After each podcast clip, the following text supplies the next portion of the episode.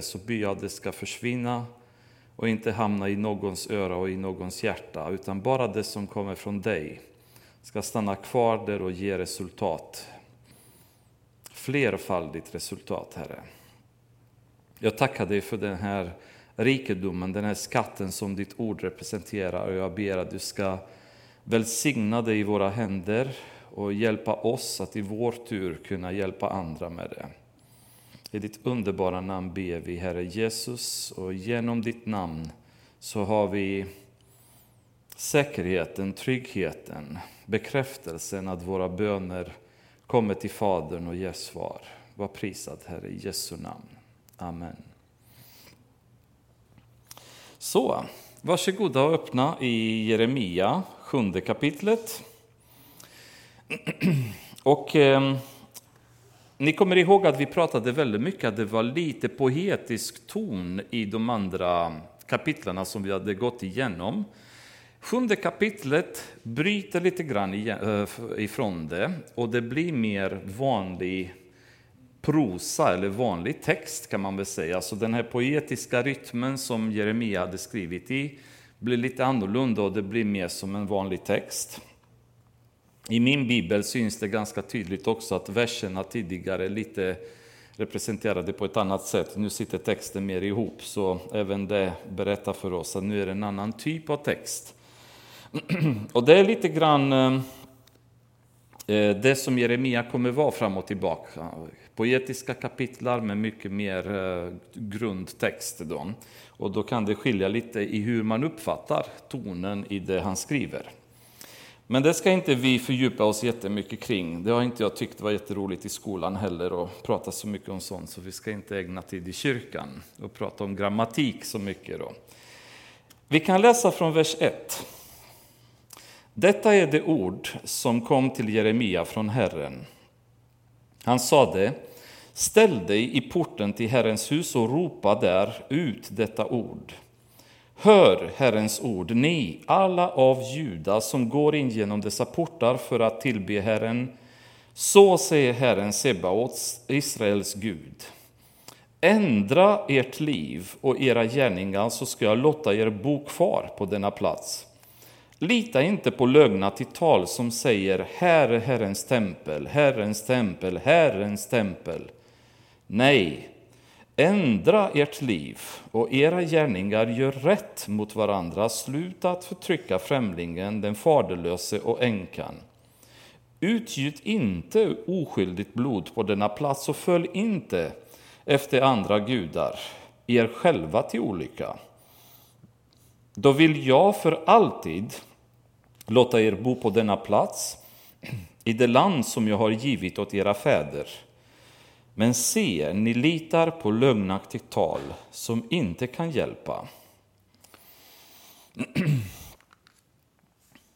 Israel ehm, hade genom åren skapats en viss doktrin ehm, som kan man kalla det tempeldoktrinen. Eh, och det var en slags falsk trygghet som judarna levde under där så länge templet fanns, så länge, så länge arken fanns bland dem, ehm, så visste de, eller trodde de, att Guds beskydd kommer alltid vila över Israel. Och det fanns en känsla av eh, falsk trygghet, eh, att nu har vi Herrens tempel, det här är närvaron av Gud bland folket, då vet vi att vi är beskyddade, inget kan hända oss. För att eh, komma ännu mer till just den, det tillfälle då Jeremia troligen säger detta så måste vi gå lite grann tillbaka i tiden, eller tillbaka i Bibeln. I ehm, framförallt Andra krönikeboken i 35 kapitlet. Om ni kommer ihåg att vi pratat flera gånger under bibelstudierna om den här perioden av kan man säga, reformation i Israel då hela landet levde väldigt korrupt. De hade levt så under väldigt lång period, Juda likadant. Det som hade hänt då det är att templet hade förvandlats till en soptipp i princip. Då. Så att hela den gloria, hela den guldera som templet hade haft hade försvunnit. Och templet var inget annat än en soptipp där ute på gårdarna hade de byggt altare och falska gudar, Baal bland annat och så vidare. Och eh, utövade avgudadyrkan i templet. En ganska sorglig period kan man väl säga, där hela landets identitet hade krossats då. Templet fanns inte längre i den bemärkelsen som det var tänkt att vara från början. Sen kommer kung Josia, märkligt nog en, 18, en åttaårig pojke eh, som blir kung, eh, som omedelbart mer eller mindre känner att så här kan det inte vara. Så han börjar inleda en reform i Israel där de började riva ner alla dessa avgudadyrka ställena De hade byggt på berg och kullar överallt. Och började riva ner dem och tvinga folket mer eller mindre att återgå tillbaks till att tillbe den rätta guden, Israels Gud.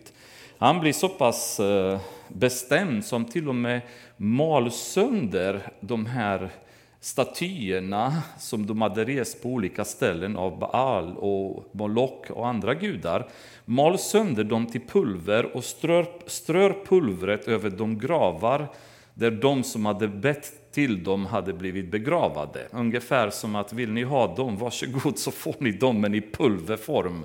De existerar inte, de är värdelösa. I Sen vidare i hans regeringsår då, så bestämmer han sig att eh, utöka den här verksamheten till att nu åter skapa så att säga, tempelns gloria och skickar eh, jättemycket pengar till prästen Hilkia med syfte av att göra rent i templet, ehm, helt enkelt ta tillbaka templet till den punkt som det hade varit innan avgudadyrkan och förfallet hade kommit. Och de börjar städarbetet helt enkelt i templet. En ganska stor armé människor och hantverkare som går in och börjar återbygga det som var förstört och trasigt. Och Medan de gör det så Safan, en av de som var där, upptäcker lagboken. Det vill säga Toran, Moseböckerna då, som var någonstans i soporna helt enkelt i templet.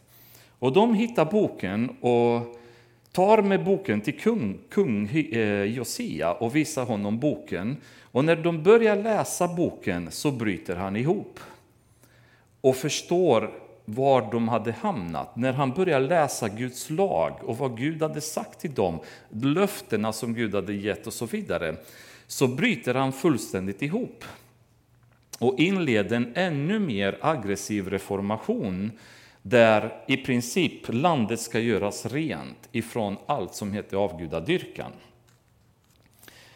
Om vi spolar fram sig några år till så har han kommit en väldigt lång bit på vägen. Templet hade nu städats eh, och den är ju, templet är färdigt igen att göra tjänst i. Och i Andra krönikeboken, 35 kapitlet, så det vi bevittnar där det är en, ett magnifik påskfirande som aldrig någonsin hade firats i Israel på det sättet.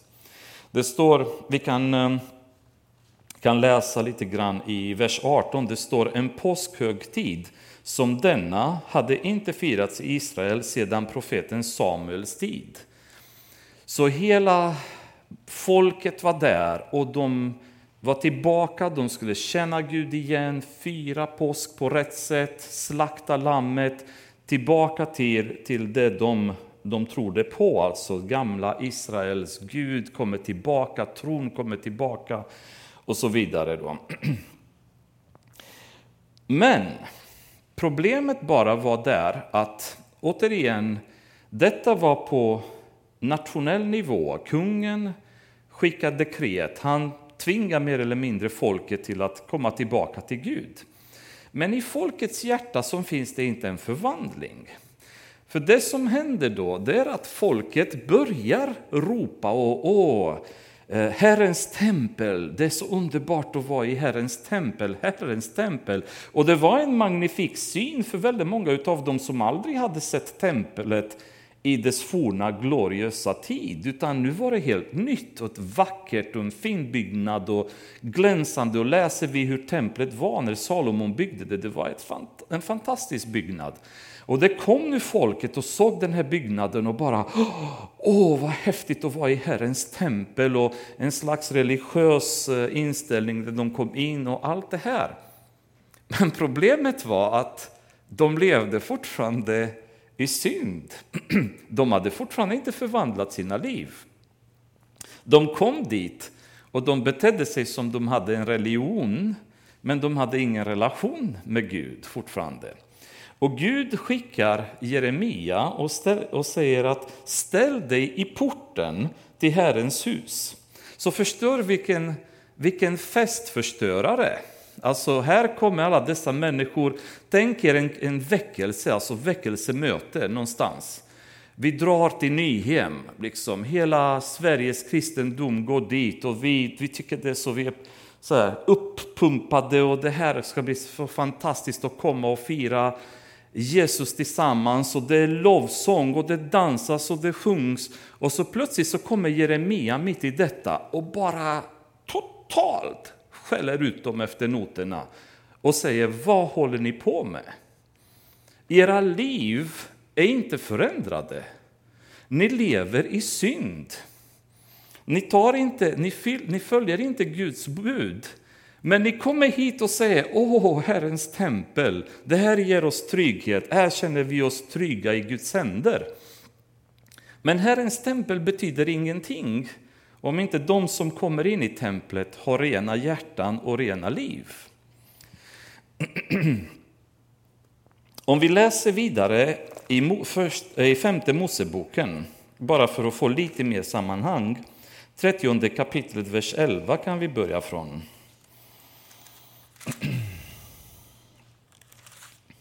Då är det Mose tal i slutet av sitt liv, ehm, mer eller mindre i avslutning till allt han hade sagt till Israels barn.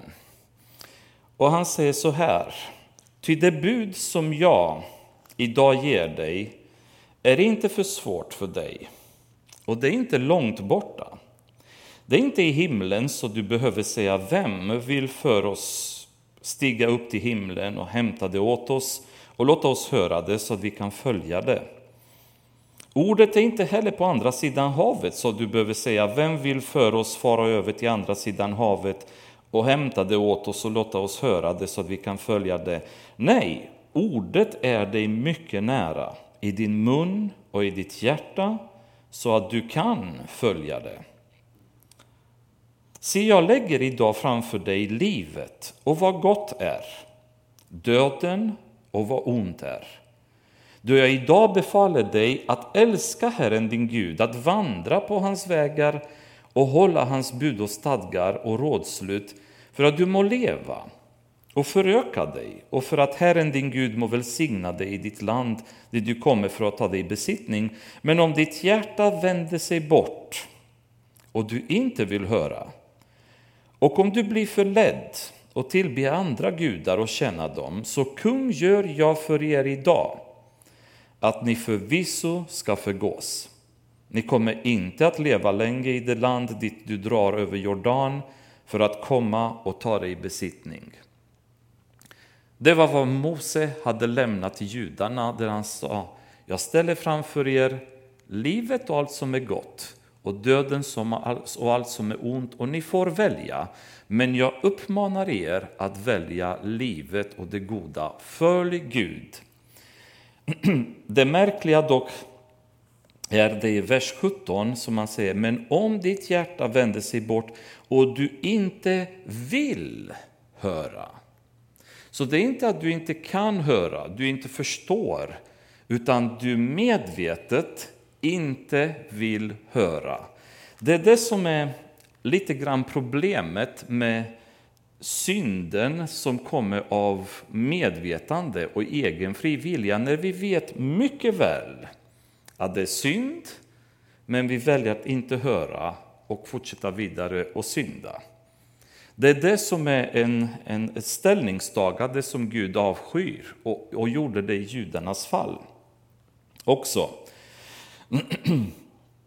När man läser det han, eh, när Jeremia pratar om de här, det är den här lockelsen de hade ändå till synd.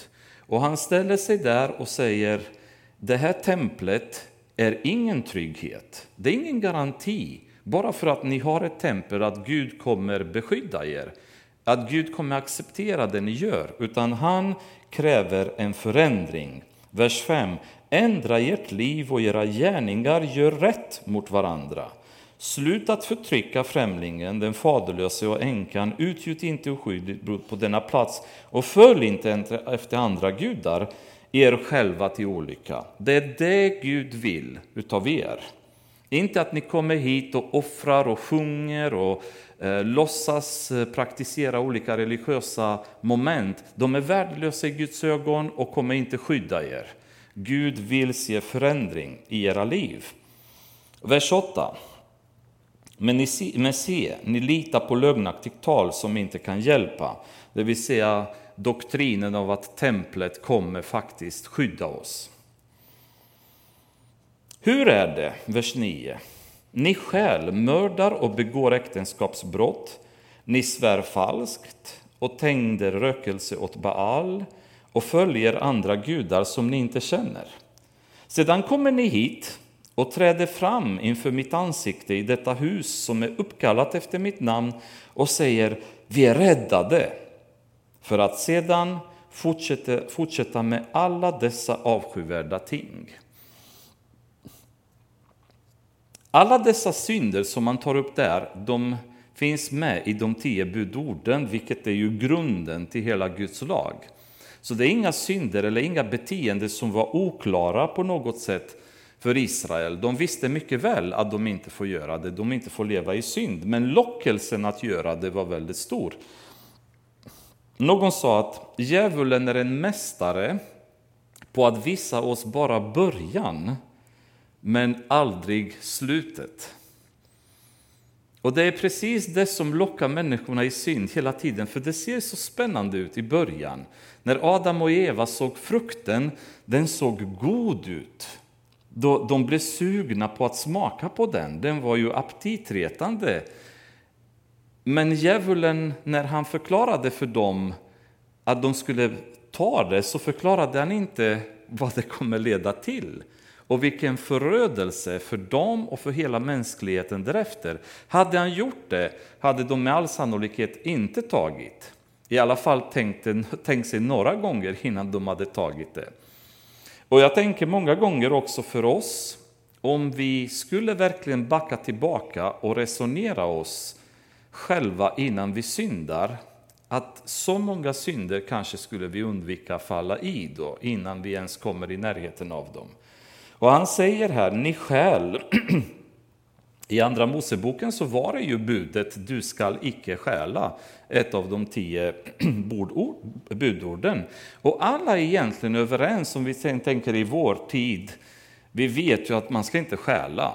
Eh, men vi tänker lite mer eh, vad ska man säga, grovt stöld. Alltså om jag jobbar i kassan på en affär, det är klart jag inte ska plocka pengar ur kassan. Och um, jag ska inte bryta mig hos en annan människas hus och stjäla det de har hemma. Eller om jag kommer och hälsar på er och plånboken ligger på diskbänken så ska jag inte öppna det och plocka kreditkortet ur plånboken. Det är vi, de flesta i alla fall, eh, kristna, om jag ska säga så. För det är inte säkert att människor utanför församlingen har det klart för sig. Men, men de flesta kristna är väl överens att vi gör inte det. Jag gömmer inte nycklarna och plånböckerna när ni kommer och besöker vårt hus. Då. Men, men hur gör vi med, när vi fuskar med, med, med pengarna som vi får för bilresorna till jobbet och vi samåker med arbetskompisar? Men vi deklarerar sen till Skatteverket att vi har åkt själva. Är det en stöld? Troligen skulle jag säga, om man frågar Skatteverket så är det, är det definitivt en stöld. Ändå så praktiseras väldigt mycket av kristna.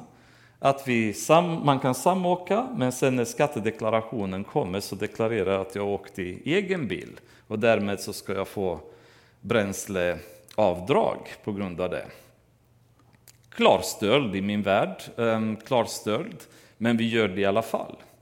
Eh, planka på buss, planka på tåg, många kristna ungdomar. Någon eh, kompis till Kevin vet jag häromdagen till och med berättade stolt att de plankar för de är studenter och det är så smidigt då. Men vi är ju ändå kristna. Är inte det en stöld? Och väldigt många sådana här små saker som vi egentligen gör för att vi inte tänker kanske, eller för att vi inte kan låta bli. Eller för att någon annan som är kompis till oss eller kristen också gör det. Och då kan det inte vara så farligt om någon annan gör det, så gör jag det också.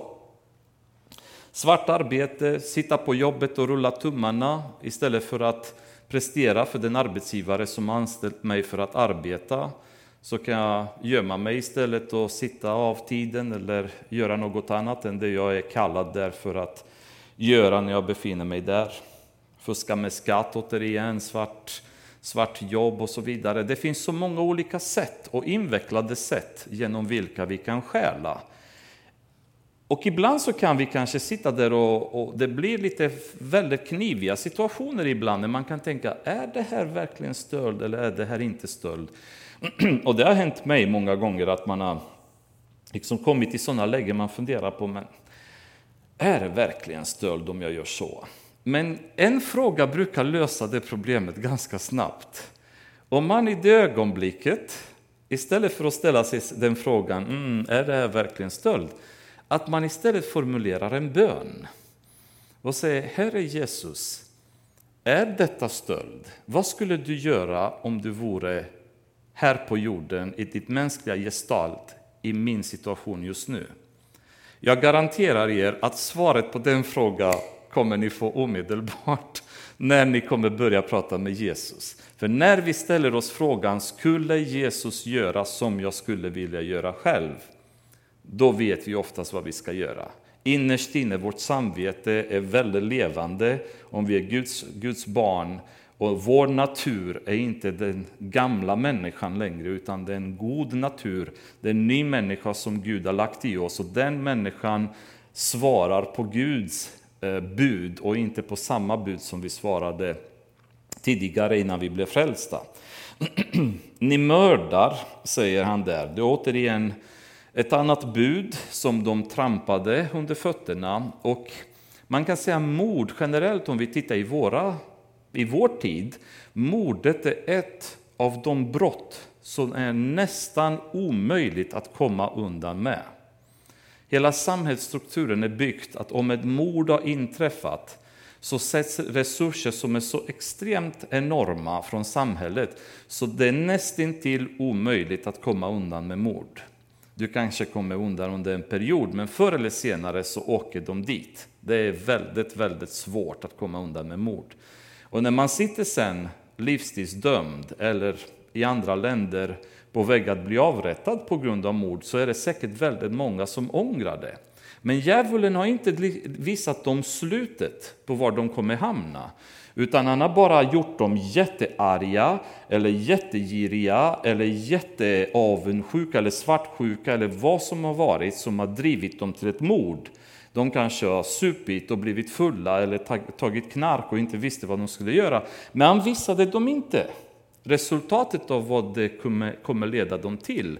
Utan han har visat dem att kokain eller att heroin eller något annat är så underbar god drog. Så du kommer må så bra när du tar det. Men han har inte visat dem att detta kommer leda till att du kommer mörda en annan människa och du kommer spendera resten av ditt liv i fängelse. Hade de förstått det från början hade de förmodligen aldrig gjort det. Äktenskapsbrott ska vi vända till eh, ord, Ordspråksboken. Det finns nästan ingen bok som är, som är lämpligast att läsa om man vill läsa om, om man att inte ska begå äktenskapsbrott. Det är fullt med med goda råd för den som möjligtvis upplever den frestelsen i sitt liv. Kapitel 5. Min son, ge akt på min vishet, vänd ditt öra till mitt förstånd så du tar vara på goda råd och dina läppar bevara kunskapen. Av honung dryper en trolös kvinnas läppar. Halare än olja är hennes mun. Men till sist blir hon bitter som malört, skarp som ett tvegat svärd. Hennes fötter styr ner mot döden, till dödsriket drar hennes steg.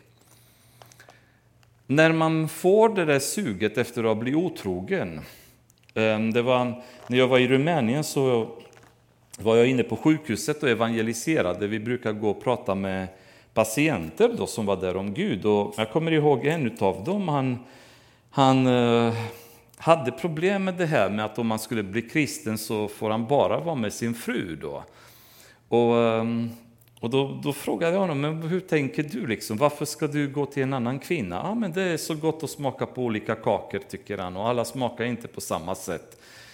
Och då tänker man bara, ja, många gånger har jag tänkt på honom, om man har fortsatt med den livsstilen, undrar var han är idag. Ehm, men man tänker på hur många människors liv har förstörts på grund av otrohet, där relationerna med sina barn, med sina fruar eller män har havererat sen på grund av äktenskapsbrott. Alla sjukdomar som väldigt många har fått på grund av att de inte har stannat hemma med sin respektive utan hoppat från säng till säng tills de har åkt på aids, tills de har åkt på andra olika könssjukdomar då på grund av det. Eh, alla barn som har fötts, oönskade barn som har fötts på grund av att någon har varit otrogen. Och förstå de situationerna när mannen som på ett företagsfest har hoppat i säng med en arbetskamrat nio månader senare får beskedet att jag blir pappa. Och han har en familj och han har redan tre barn av själv. Och nu måste du betala. Fattig blir du också. Bedrövlig relation med din familj och med alla andra som är dina kära. Hur många av de här skulle ha gjort det? Om djävulen hade visat dem effekten av deras synd i början. Men han visade dem att det är så spännande, det är så gott att smaka på olika kakor, för alla smakar olika. Men resultatet av det, det är död, som det står här i Ordspråksboken. Det kommer bli som att halka rakt in i en grop där du inte kommer ifrån längre. Ni svär falskt. Det är en annan synd som Jeremia tar fram där också. Det är också i Ordspråksboken om vi vänder till sjätte kapitlet. Beskrivningen av vad som händer med de som gör det. Vers 12. En fördärvlig människa, en ogärningsman, är den som går omkring med falskhet i sin mun, som blinkar med ögonen, skrapar med foten, gör tecken med fingrarna. En sådan bär svek i sitt hjärta, han smider alltid ränker och ger upphov till trätor. Därför kommer hans ofärd med hast. Plötsligt blir han krossad utan räddning. Dessa människor förr eller senare faller. Deras falskhet kommer fram till ytan. En, eh, min pappa var domare och eh, han var stenhård mot sådana som försökte ljuga för honom i rätten. Dels för att han tog det personligt, att någon försökte ljuga för honom och det gillade han inte. Men nummer två var det därför att lögnen resulterade i slutändan att en oskyldig människa kunde bli dömd. Och det, var, så att säga, det vägde så pass tungt så när han kom på dem att de försökte att ljuga för honom i rätten så gav han oftast bland de hårdaste straffen man kunde ge dem därför att han tyckte det var så oacceptabelt att göra det. Och um, i, i relationer med varandra, så att säga, när man kommer på att en person går omkring och um, och ljuger helt enkelt om andra människor så, um, så blir man inte glad, man är inte jättepigg på att umgås med den personen. Då. Andra Moseboken 23 kapitlet, eh, det, detta tas upp där, eh, också där. Lagar om rättfärdighet och barmhärtighet. Vers 1. Du ska inte sprida ett falskt rykte, du ska inte stödja den ogudaktige genom att bli ett falskt vittne. Du ska inte följa mängden och rätta dig efter den i det onda så att du vränger rätten när du vittnar i något mål. Återigen ett tydligt bud från Gud. Och det som jag tycker är intressant i den här versen, du ska inte följa mängden. Tänk vad, vad bra om det här budet skulle vi införa i våra liv överlag. Följ inte strömmen. Bara för att en massa människor gör någonting, det gör inte det till gott. För faktum är att oftast är det så att människor som gör det som är rätt inför Guds ögon är i minoritet. Så ju mer vi följer mängden och skarorna, desto större sannolikhet är att vi kommer synda och att vi går åt fel håll. Och det vore väldigt, väldigt bra även för oss kristna att undvika följa mängderna, utan bara kunna backa tillbaka och säga nej, jag kör min egen väg, jag tar mitt eget beslut, jag vill inte följa vad alla andra gör. Ehm, jag kanske blir impopulär, de kanske tycker att jag är konstig, de kommer skratta åt mig, kanske mobba mig, vad som helst. Vad spelar det för roll? Men låt oss få följa Gud, för förr eller senare så lönar det sig. Och sist så tar han upp då att man tillber andra gudar. och i Moseboken, i andra Moseboken då, 20, 20 kapitlet, när lagarna kom fram så står det tydligt att man ska inte tillbe någon annan än Gud. Man ska inte bygga en avbild av någon annan och tillbe. Så det var en, en, ett klart bud. Men problemet också med att tillbe andra gudar är mycket djupare än så. Därför att när, när de skapade andra gudar, så när människan skapar sig en gud, så skapar människan en Gud utifrån människans egna kroppsbild och kapacitet och personlighet. Så att när de satt och karvade sina gudar, hur gjorde de det? De satte ögon på dem för att människan har ögon. De satte öron för att människan har öron. Näsa för att människan har näsa. Men de skapade dessa gudar sämre än vad egentligen människan är. Så i grunden kan man säga så avspeglade de sin, sitt mänskliga gestalt genom denna Gud. Men guden var egentligen på en mindre nivå än vad människan är. För trots att guden hade öron så står det i Bibeln, men de kan inte höra. Och trots att de har ögon så kan de inte se. Och trots att de har munnar så kan de inte prata. Så trots att de ser ut som en människa så är de betydligt sämre eh, och undermåliga utifrån ett mänskligt perspektiv. Och Paulus säger att när de tillber andra gudar, och i Bibeln så står det att då blir man som dem man tillber. Med andra ord så sänker vi oss från vårt värde till ett betydligt lägre värde där de gudarna är. Och det är därför så står det i vers 6. Utgjut inte oskyldigt blod på denna plats och följ inte efter andra gudar er själva till olycka. Genom att jag sänker mig till de där gudarnas nivå så lever jag själv ett sämre liv. Romarbrevet 1, återigen som är en av mina favoriter i Bibeln, så står det så klart om hur människorna blir när de avlägsnar sig från Gud och följer sina egna begär, då blir de själva som lider därför att de sänker sig till en betydligt lägre nivå än vad Gud hade tänkt dem att de ska vara. Och Det är också något som djävulen inte har visat dem innan. Utan han visar dem hur spännande det är. Det är exotiskt, det är jätteroligt med new age. Det händer saker, vi kan ju meditera, vi kan komma i olika nivåer av spiritualism och vi kan uppleva saker, som de säger på engelska, we can take a trip. Vi kan resa på något sätt i ande och tar vi droger ovanpå detta, speciellt psykedeliska droger, då kan vi få bilder, vi kan se saker, vi kan kommunicera med astrala krafter. Det är ju hur spännande som helst. Men slutet av detta det är att vi hamnar i misär. Vi blir sämre och sämre, vi mår sämre och sämre, vi kan inte sova på nätterna, vi har mardrömmar, vi blir beroende av droger och så vidare. Men det har inte djävulen visat i början. Han visar inte vad som kommer hända på slutet när vi lever i new age, när vi lever i spiritism, när vi lever med Eh, medier och så vidare och tillber andra gudar. Han visar inte vad som händer, utan det är bara exotiskt, det är spännande, det är något nytt. Men sen vers 11 är ju väldigt intressant. Menar ni att detta hus som är uppkallat efter mitt namn är ett rövarnäste? Se, jag har själv sett det, säger Herren. Med andra ord så säger Herren, ni går omkring och säger Herrens tempel, Herrens tempel och förstår religiositeten. De kanske gick och bad och gick väldigt sådär, ah, hade hela beteendet korrekt. Ni vet hur vi är när vi kommer till kyrkan, eller hur? Vi tar på oss den fina masken, fridbroder, skaka hand.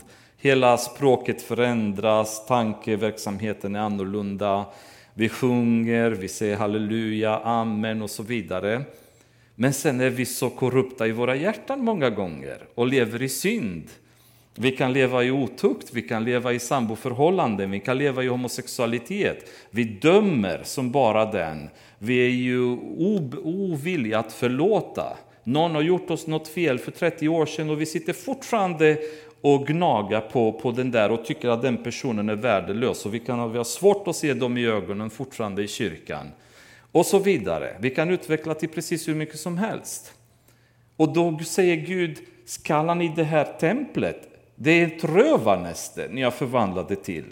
Där ni kommer med era synder, där ni kommer med, med era oförvandlade liv, och säger i vers 10, men vi är räddade, vi är frälsta, vi är pingstvänner, vi är Guds barn. Och sen går vi ut och skäl och fuskar och är otrogna och gör allt möjligt. Och Gud säger, har ni förvandlat det templet till ett rövarnäste? Jesus spinner vidare på det i Nya Testamentet. Ni kommer ihåg när han kom till templet och de sålde duvor och allt möjligt där. Och duvorna såldes för att folk skulle offra, för det var oftast att de offrade duvor. Men det var ändå något som Jesus inte tolererade. Att affärsverksamheten hade kommit in i Guds templet. Tempel och templet förvandlades till en pengakännande maskin istället för att där kommer vi för att tillbe Gud. Och det är ju, det är ju jätteintressant hur Gud går väldigt tydligt och säger liksom att det här har blivit ett rövarnäste. Och nu var det ändå en tid då templet var återskapad, där Josia ändå hade försökt att få lite liv i folket. Men ni förstår hur djupt i synd de var ändå. De ville bara inte komma därifrån helt enkelt. För faktum är att ett kyrkobesök på söndagen kan inte tvätta bort synderna som vi har begått under veckan. Men vi tror det. Vi tror att det kan tvätta bort. Vi ger tionde, eh, vi kommer till kyrkan, vi sjunger i kören, vi deltar i verksamhet. Men sen, vad händer resten av veckan? Hur lever vi våra liv då? Gud ser detta. Vi kan inte lura honom och tro att jag kan komma på söndag och Gud har glömt bort vad jag gjort hela veckan innan jag kommit till kyrkan. Det är väldigt svårt att få en andlig tillväxt i våra församlingar så länge våra liv inte blir förändrade. Och vad Gud säger här, det är en sak som ni måste göra och det är ta itu med synden i folket. Det måste ni lösa. Allt annat är ointressant. Vers 12. Gå bort till den plats i Silo där jag först lät mitt namn bo och se hur jag har gjort med den på grund av mitt folk Israels ondska. Silo var första platsen där arken hade kommit in i tältet. Så det var för första gången då tältet hade satts ihop och arken fick vara med i tältet. Det var första platsen där eh, man tillbad Gud. I första Samuel kapitel 1-4 det är beskrivet om vad som hände där. Att det var tillbedjan utfördes där i Silo. Och det var platsen också där man kom för att offra i första Samuel, första kapitlet, vers 3. Men ungefär 1050 f.Kr. så tillåter Gud filisterna att invadera och totalt förstöra den här platsen. Och vad han säger nu till, till Israel det är att se vad jag har gjort med Silo. Jag är inte beroende av en plats, vill Gud säga. För mig har det ingen betydelse om, om jag kommer förstöra det här templet, vilket han kommer tillåta Nebukadnessar att göra det när han kommer senare och invaderar. Platsen i sig har ingen betydelse. Jag kan använda vilken plats som helst och förheliga vilken plats som helst. Det jag är intresserad av, det är ju er, människorna, era liv, ert beteende, era hjärtan. Det är inte platsen i sig. Så själva kyrkan har ingen, ingen frälsande makt för oss. Vi kan, inte, vi kan inte bli frälsta för att vi tillhör pingsförsamlingen och vi kan inte heller växa andligt för att vi tillhör pingsförsamlingen. Vi kan inte räkna med Guds välsignelser i våra liv därför att vi kommer söndag efter söndag eh, och stämplar in matrikelkortet när vi kommer till kyrkan. Utan det enda som räknas det huruvida våra liv blir förändrade. Om vi växer när vi är här i kyrkan, om vi blir snällare mot varandra, om vi blir rättvisare mot varandra, om vi blir mer kärleksfulla, om vi älskar Guds ord mer, om vi söker oss till bönen mer, om vi är generösare. Alla dessa frukter som det pratas i Galaterbrevet, det är det Gud är intresserad av.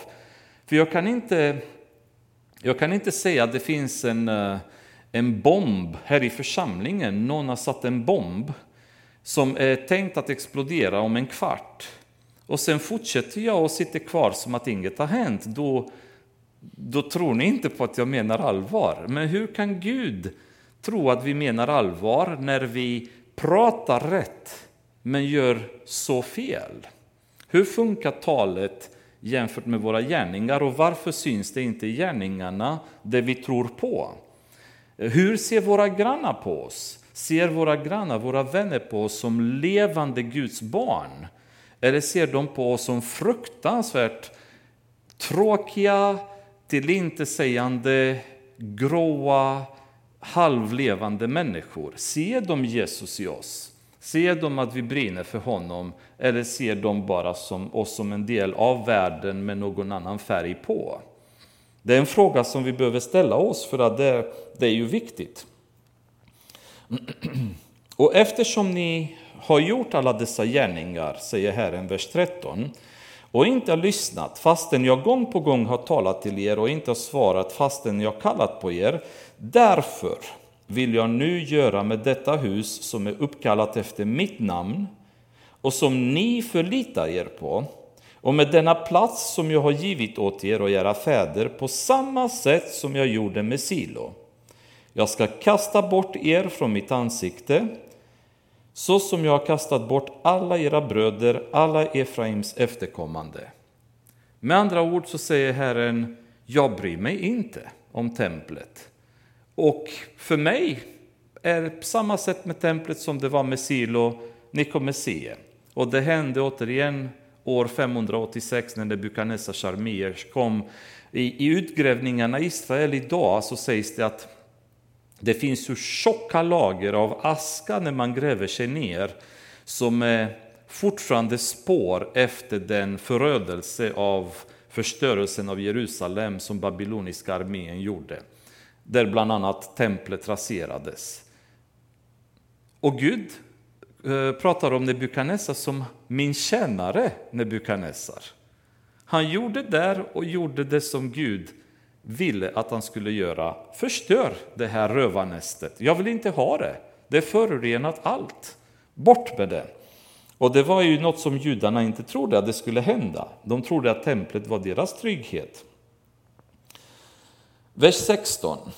Be därför inte för detta folk och bär inte fram någon klagan eller förbön för inte deras talan hos mig, ty jag ska inte höra på dig.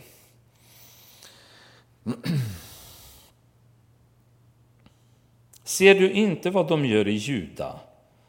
i judastäder och på Jerusalems gator. Barnen samlar ihop ved, fäderna gör upp eld och kvinnorna knådar deg för att baka offerkakor åt himlens drottning. För att kränka mig utgjuter de drickoffer åt andra gudar. Men är det mig de kränker med detta, säger Herren, är det inte snarare sig själva, så att de kommer på skam? Därför säger Herren, Herren så. Se min vrede och förbittring ska jag utgjuta över denna plats, över både människor och djur, över åkerns träd och markens gröda, och den ska brinna utan att slockna. Avgudadyrkan hade spridits överallt eh, i alla samhällsklasser. Om ni kommer ihåg femte kapitlet när Jeremia säger jag har gått till vanliga folket men sen har jag gått till de som är eliten i landet och ingen av dem sökte Gud. Ingen ville, ville söka honom. Så inte bara det var olika samhällsklasser, men det var alla åldrar. Alla i familjerna. Barnen var där och samlade ved, fäderna tände eld åt gudarna, mödrarna bakade kakor åt himlens drottning och himlens drottning var också fertilitetsdrottningen, så var det oftast avbildat med relativt eh, man säger, pornografiska bilder och skulpturer. Då. Så det var det som de tillbad och kvinnorna tillbad fertiliteten. Och det påminner mig lite grann om vad kvinnorna tillber idag i världen, feminismen. Liksom. Sofia, vi har pratat om det förut, hur Svenska kyrkan har Sofiamässor, den de tillber Sofia som eh, en gud som Svenska kyrkan har hittat på då och inte Gud längre. Det är ju samma beteende fast i olika former, i olika kläder genom åren som följer. Men det som är jätteintressant är att Gud i princip säger i den här delen av kapitlet, domen är avklarad och det finns ingen återvändo. Allt ska förgöras, både människorna, naturen runt omkring, allt de har byggt, allt de har gjort, djur, mark, allt måste kunna förgöras för att kunna städa bort det här eländet som har skapats. Och i vers 16 så säger han, be därför inte för detta folk och bär inte fram någon klagan eller förbön för inte deras talan hos mig, ty jag ska inte höra på dig. Om vi vänder i Första Moseboken, sjätte kapitlet.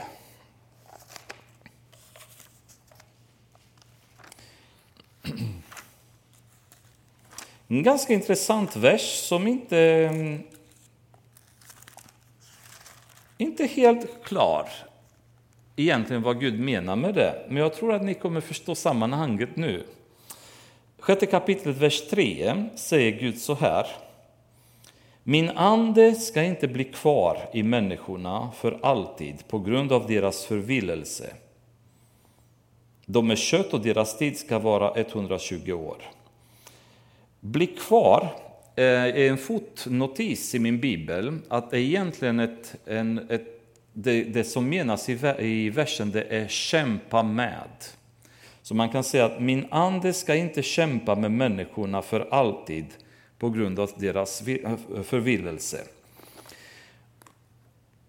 Och när jag tänkte på den här versen så kände jag att det är, eh, det är en välsignelse för oss när Gud kämpar med oss. När han drar i oss, när han inte låter oss göra som vi vill, när han inte tillåter oss att leva enligt våra eh, tankar, våra förlustelser, utan han straffar oss ibland. Och det, det står i Hebreerbrevet att, att Gud tuktar den han älskar. Han vill oss väl och då kämpar han med oss hela tiden att rätta oss in i ledet för vår skull, därför att han älskar oss. Den dag när Gud säger jag tänker inte kämpa med dig längre, då är vi körda. Då finns det inget mer hopp. Och det är precis vad Gud säger till Jeremia. Det finns ingen som helst anledning att du ens ber för de här människorna. därför att jag tänker inte göra något med dem. Jag tänker inte hjälpa dem, så bönerna kommer inte ha någon effekt. Och det är ganska märkligt, eller hur? För vi tror att om vi ber så ska vi få. Om vi har tillräckligt med tro så kan Gud lyssna på våra böner. Men det är förutsatt att våra böner är synkade med heligandens vilja. För sådana situationer, och jag tror man, när man tittar i originaltexten så verkar det som att mellan vers 1 och vers 15 och sen början på 16 att det är som två olika delar. Och man tror att förmodligen så har det varit att Jeremia, när han fick den här domen förklarat mellan vers 1 och 15, så sökte han sig till Gud och kanske började be för nationen och började be om räddning som profeterna många gånger kunde göra då. Gå till Gud och medla åt folk och folkets vägnar. Men då kommer Gud och säger till honom, Jeremia, det är ingen idé. Jag tänker inte ändra mitt beslut. Det har gått för långt. Och dina böner kommer inte ha någon som helst effekt. Och det är därför jag känner många gånger själv en viss ödmjukhet. När man måste be för situationer som jag inte förstår mig på. Är det jag inte känner att jag har en tydlig ledning från heliganden att jag måste lämna utrymme för att heliganden ska göra så som man själv vill. Till exempel när jag ber för någon att bli frisk som har en sjukdom. Jag vet mycket väl att Gud kan hela och bota den människan, men jag är inte alltid säker att han vill det. Vi vet ju i Bibeln att det finns ju situationer när Gud tillåter sjukdom. Ibland straffar Gud med sjukdom och ibland så kan sjukdomen inte försvinna för så länge synden finns kvar i en människas liv och så vidare. och så vidare. Det finns ju mycket mer komplex och utvecklad bild av vad en sjukdom är.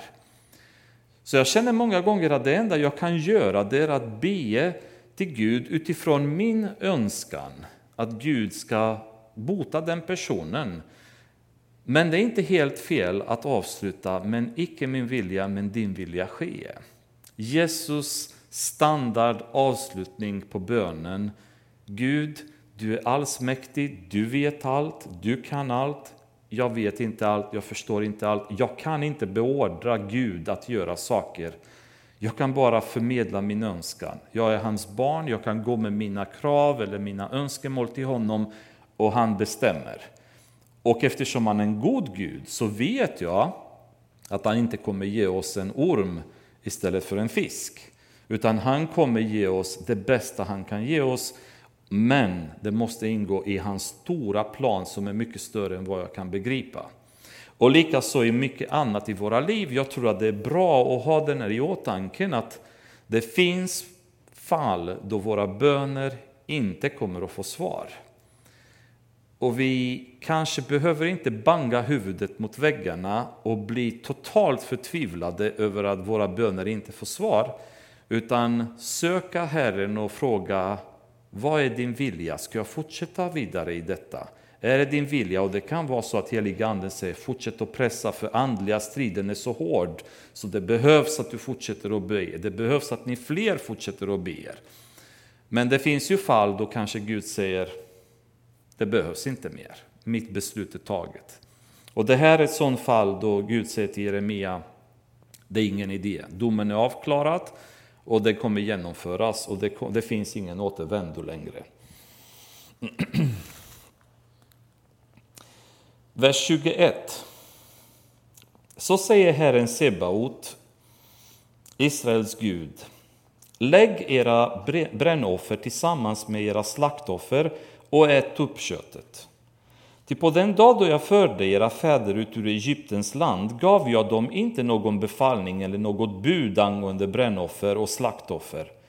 Det bud jag gav dem var detta, lyssna till min röst, så ska jag vara er Gud och ni ska vara mitt folk. Vandra i allt på den väg som jag befall, befaller er, så skall gå er väl. Men de ville inte höra eller lyssna till mig utan följde sina egna tankar och sitt onda, hårda hjärta och vände ryggen till mig inte ansiktet. Väldigt intressant, i vers 21 så säger Gud Lägg era brännoffer tillsammans med era slaktoffer och ät upp köttet. Kanske förstår vi inte riktigt hur allvarlig den här versen är, men det är en fruktansvärt allvarlig vers. Därför att här pratas det om två olika typer av offer. Slaktoffret, det var ett offer som jag hade någon slags gemenskap med Gud. Där jag kunde vilja slakta ett djur, dela det på det djuret, Gud fick en del av djuret och jag tog den andra delen och jag och Gud, vi äter det tillsammans. Vi har en gemenskap kring måltiden av det djuret. Det var en tacksamhetsoffer som jag gav till Gud där jag och Gud delade på samma djur. Men brännoffret, det där var ju betydligt allvarligare. Brännoffret fick aldrig röras av någon annan, utan brännoffret fick brännas allt på altaret. Ibland så fanns det offer där prästen kunde få delar av djuret, ibland offer där jag kunde få delar av djuret. Men brännoffret fick ingen annan ta del av, utan brännoffret tillhörde Gud helt. Men vad Gud säger till dem nu, vers 21, det är lägg era brännoffer tillsammans med era slaktoffer och ät upp dem. Med andra ord, jag bryr mig inte om era offer längre. Alltså i Gamla Testamentet kunde människa dö om man hade rört brännoffret. Och Gud säger, jag bryr mig inte ens längre. Ta och ät upp det där brännoffret, det betyder ingenting längre. Därför att ditt hjärta är så genomkorrupt. Så det är ingen idé att du bränner massa djur till mig för att bevisa någonting, för det har inget värde. Så ta och ät upp det, likväl som du äter slaktoffret. Det är precis lika meningslöst och orelevant för Gud. Och det visar hur djupt de hade sjunkit, så att inga av de här offren som var så viktiga för upprättandet av förlåtelse och, och, och, syndens behandling i Gamla Testamentet var värdelös. Gud säger, jag vill inte ha med det att göra längre. jag vill inte se det. Men de ville inte höra vers 24 eller lyssna till mig, utan följde sina egna tankar och sitt onda, hårda hjärta och vände ryggen mot mig. och jag tänker även hos oss, ehm, bristen på seriositet i att fördjupa oss i Guds ord i församlingar gör att vi gör exakt likadant själva. När vi sitter på ett församlingsmöte, när vi ska hantera en svår fråga, så går vi allt som oftast och följer våra egna tankar, funderingar, sätt att resonera eller känslor. Snarare än när vi sitter i de här kniviga situationerna, öppna Bibeln och säger vad säger Guds ord om detta? För det är det som gäller. Men vi följer väldigt ofta våra egna tankar. Det vi själva tror kan vara bra. Det vi själva anser att det känns rätt utifrån den bakgrund vi har och påverkade av den kultur som vi lever in i. De tv-program vi tittar på, de tidningar vi läser, de böcker vi har läst i skolan. Och då har vi format ett sätt att resonera. Och då sitter vi i församlingen och gör på samma sätt. Men så funkar inte Gud. I församlingen, det handlar inte om vad jag tycker, vad jag känner. Det handlar bara om en enda sak. Vad säger Jesus? För han är församlingens huvud. Vad säger Guds ord? Det är det enda som räknas. Jag kommer ihåg för ett antal år sedan när vi hade en knivig situation i församlingen. En del av er kanske minns, vi satt i församlingsvåningen och det var lite stormigt möte där. Och folk kastade saker på varandra och min känsla hela tiden när jag satt där och tänkte, det är inte en enda utav dem som, säger, som tar och citerar Bibeln, eller säger vad, vad säger Gud om hur ska vi hantera den här situationen då? Och medan folk höll på och kastade pilar på varandra så reser sig Roland och bara tar och läser en bibeltext och så sätter han sig ner. Och det blir tyst. Och jag bara kände, vad underbart. Kanske de förstår nu.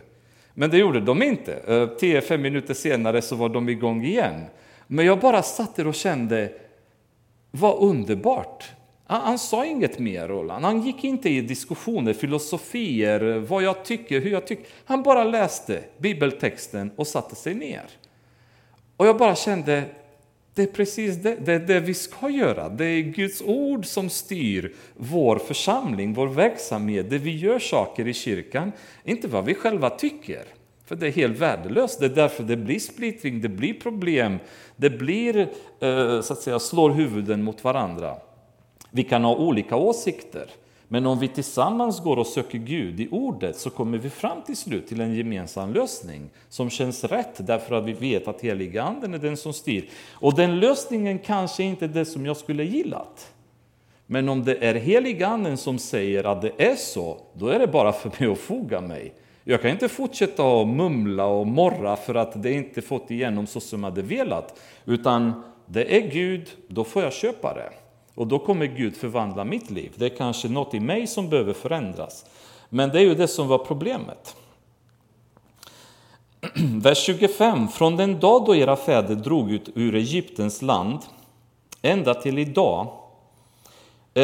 Jag skulle också bara säga att det här med, med offren, om ni tänker på offren när de kom ut ur Egypten, så fanns det inget offer, det fanns inget lag. Utan Gud hade bara sagt följ mig. Det var det enda. Gör som jag säger. Det faktum att folket hade misskött sig ledde till att de var tvungna att börja få en lag med offer och hur synden skulle behandlas. Och det, det är återigen det här, Gud är ute efter hjärtat, hjärtat, hjärtat hela tiden. då. Från den dag då era fäder drog ur Egyptens land ända till idag har jag sänt till er alla mina tjänare profeterna, gång på gång har jag sänt dem. Men de ville inte höra eller lyssna till mig. De var upproriska och gjorde ännu mer ont än deras fäder.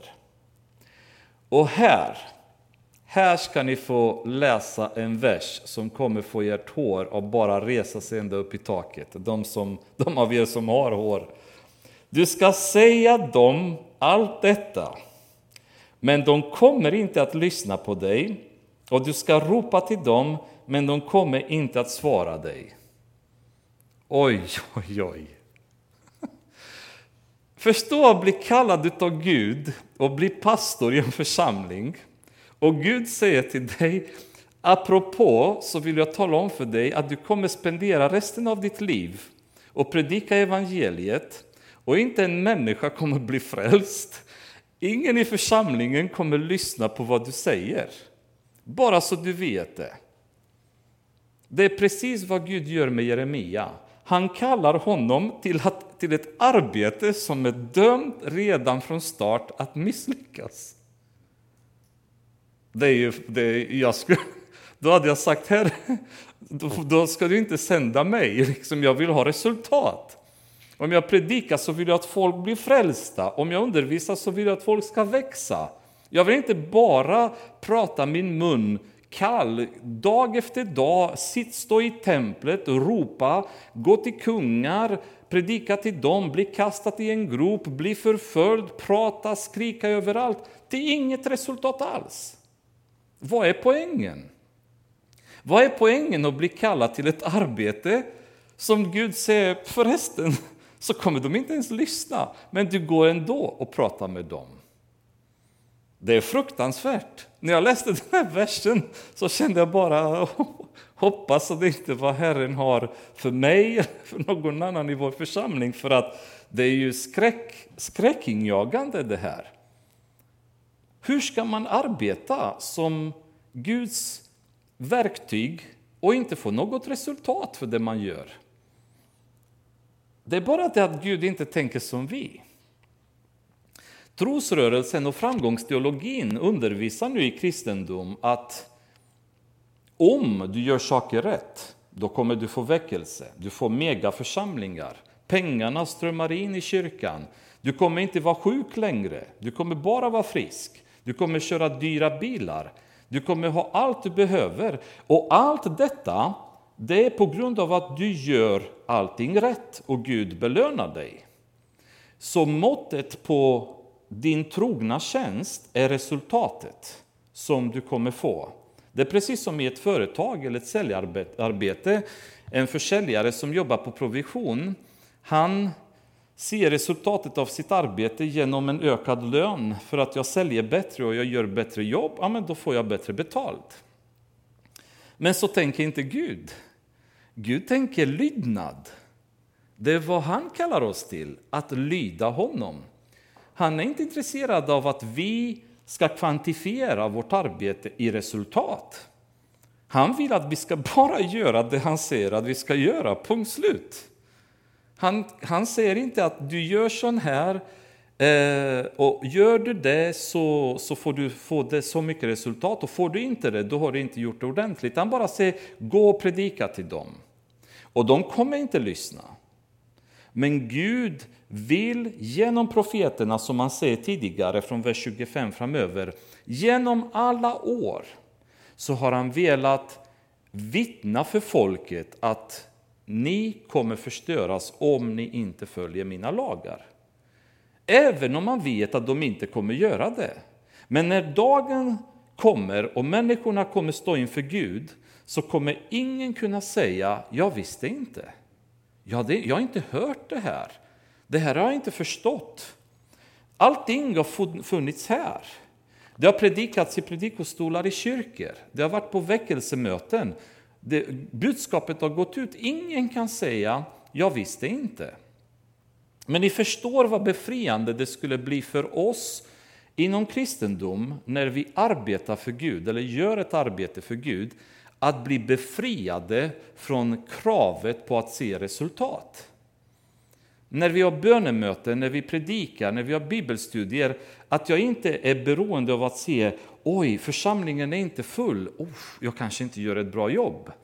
Jag måste vara övertygad i min relation med Gud att det jag gör är rätt. Sen om det blir en som lyssnar, 15, 5 000 eller 50 000, det är helt ointressant i Guds värld. Det enda Gud säger, du måste göra det jag kallar dig till att göra.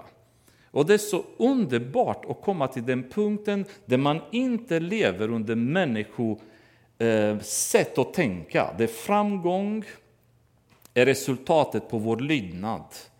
Utan resultatet på lydnaden kanske inte ens vi ser här på jorden. Vi har ingen aning om det vi säger, det vi gör, kommer ge något resultat.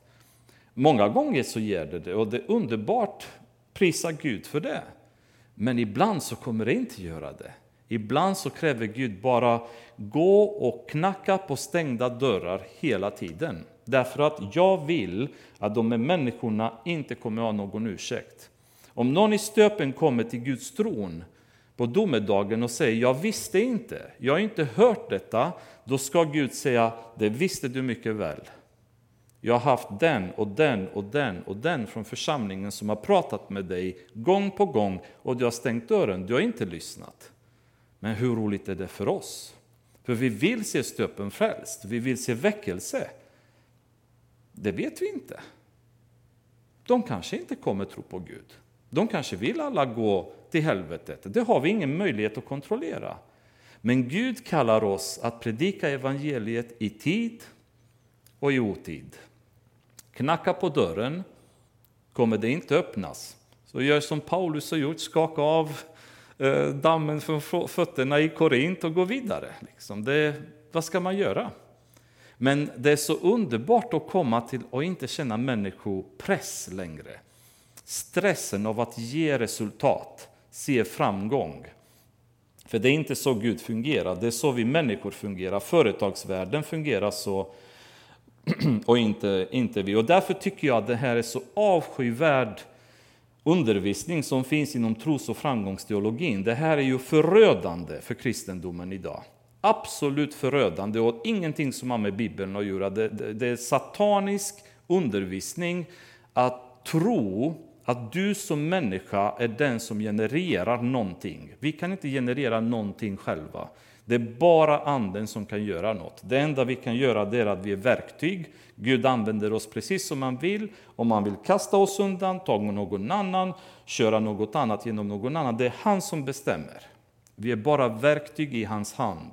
Och vi har ingen möjlighet att ta oss äran och säga jag har haft tillräckligt med tro, därför har jag fått det och det och det. För att inte prata om eh, det fula i att jaga sådana saker, då, vilket är också inget vi ska hålla på med. Säg därför till dem, detta är det folk som inte lyssnar till Herren, sin Guds röst, och som inte tar emot tillrättavisning. Sanningen är försvunnen och utrotad ur deras mun. Bara en kort här folk. Ordet folk här på hebreiska är goj. Och goj är samma ord som användes av judar när de pratade om hedningar. Eh, så judarna, eller israeliterna, de kallades aldrig för goj, utan de kallade hedningarna för goj, eller goim säger de också idag. Men Gud säger, säg därför till dem, detta är goj som inte lyssnar till Gud. Alltså ni är hedningar. Ni, ni, kan inte kallas Israel längre, ni är hedningar, för ni lyssnar inte till mig längre. Vers 29. Klipp av ditt hår och kasta bort det och stäm upp en klagosång på höjderna. Ty Herren har förkastat och övergivit detta släkte som väckt hans vrede. Juda barn har gjort det som är ont i mina ögon, säger Herren. De har ställt upp sina avgudar i det hus som är uppkallat efter mitt namn för att orena det. De har byggt upp Tofethöjderna i Hinomsons dal för att där bränna upp sina söner och döttrar i eld, fastän jag aldrig befallt eller ens tänkt mig något sånt. Eh, att de brände sina barn i eld, det var en, en eh, tradition som de amorierna hade utvecklat, um, amoriterna förlåt, hade utvecklat det för att prisa guden Moloch som räknades som himmelens gud då i deras religion. Och ehm, i och med att de, både Moloch och eh, assererna, så aseren var eh, himmelens gudinna och Moloch var himlens gud och de två var tydligen gifta med varandra eller ihop med varandra i deras religion. Men hela den religionen kring Moloch och asererna det var väldigt sexuell, väldigt pornografisk. I arkeologiska bilder så hittas väldigt mycket eh, tydliga bilder på sexuella händelser mellan Moloch och asserierna. Då. Och folket började leva i sexuell perversitet också i nationen och judarna och Israel därefter. Det som ledde till då, det är att ökande sexuell aktivitet och perversitet ledde till att mycket fler oönskade barn föddes. Och då blev det väldigt lämpligt att göra sig av med de här oönskade barnen genom att bränna dem på altare eller sätta dem i armarna på metallstatyer som de värmde upp och satte små barnen i armarna på gudarna där för att ja, brännas upp helt enkelt av hettan. Och på så vis offrade de så kallade barnen till, till Moloch. Eh, och Gud säger att jag har inte krävt något sånt. Så det som hade hänt nu, det blev en slags sammanblandning av religion från Moloch då, som de hade blandat in med deras egna eh, religion som judaismen hade gett dem. Gud i Gamla testamentet krävde att varje förstfödde var hans, bland djur, bland barn. Men han har aldrig krävt att de skulle offras till honom. Men det hade de gjort nu, det är att de hade börjat offra barn till Gud också, och inte bara till Moloch. Och det, det gjorde Gud vred, därför att han sa det här har jag aldrig krävt. Jag har aldrig sagt att de ska offra sina barn till mig. Då. Och Det är intressant också idag att eh, först så började i västvärlden den sexuella revolutionen, 60-70-talet, vad var nästa steg efter sexuella revolutionen? Abort. Därför att ökade sexuell aktivitet gjorde att fler barn föddes och folk ville inte ha barnen, så vad gör vi med dem? Vi aborterar dem. Exakt samma paket, exakt samma djävul bakom varje händelse, men paketerat annorlunda denna gång. Då. Men samma budskap, samma effekt då i samhället. Se, dagar ska komma, säger Herren, då man inte mer ska kalla det Tofet eller Hinnomsons dal, utan Droppdalen. Då ska man begrava i Tofet av brist på annan plats. Detta folks döda kroppar ska bli mat åt himlens fåglar och markens djur, och ingen ska skrämma bort dem. I Judas städer och på Jerusalems gator ska jag göra slut på jubelrop och glädjerop, på rop för brudgum och rop för brud, till landet ska läggas öde. När kyrkan börjar förorena sig med kulturella inslag från andra religioner eller samhället runt omkring, då blir kyrkan korrupt. Då, då tappar kyrkan sin identitet och det blir en så kallad fallen kyrka. Och tittar man idag så är det både katolska kyrkan till exempel, många av afrikanska eh, pingstkyrkor bland annat. Jag pratade i Sydafrika med de som jag var ihop med där och de berättade hur pingstkyrkor, baptistförsamlingar och så vidare i Sydafrika, medlemmarna går ena dagen till kyrkan, sen går de till häxdoktorn för att få hjälp av dem. Därför att kulturen har på något sätt blandats in så pass mycket i folkets tro så att de gör inte skillnad mellan vad som är kulturella, eh, hedniska inslag och vad som är Guds ord. De förstår inte det. I Sydamerika, där katolska kyrkan har blivit väldigt perverterad med väldigt mycket indian traditioner som har krupit in i kyrkan, där man vet inte riktigt vad är det som är kristet och vad är det som är hedniskt från indiankulturer som har kommit in. Och vi kan tycka, men vi är inte sådana, för vi är ju ganska klara här med oss. Men tänk på de influenser som har kommit in i vår församling från den, det kulturella samhälle där vi befinner oss i idag. Eh, feminismen som kryper in, återigen Sofia-mässorna i, eh, i Svenska kyrkan där vi tillber nu en annan gud än Jesus.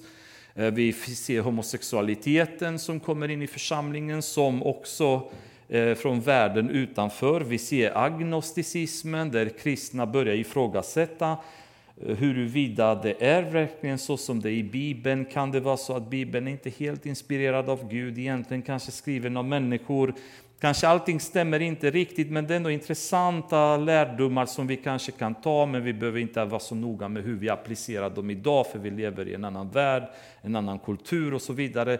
Exakt samma fenomen som händer här hos oss också.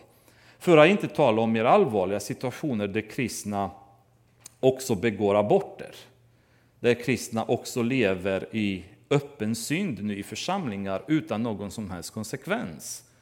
Och så vidare. Där synden inte ens är dold längre, utan synden är öppen och tillåten i församlingar. Det är exakt samma effekt, där det har krupit in och ätit upp inifrån. Och Gud säger, det kommer en tid när min, min dom kommer att komma och ni kommer se resultatet.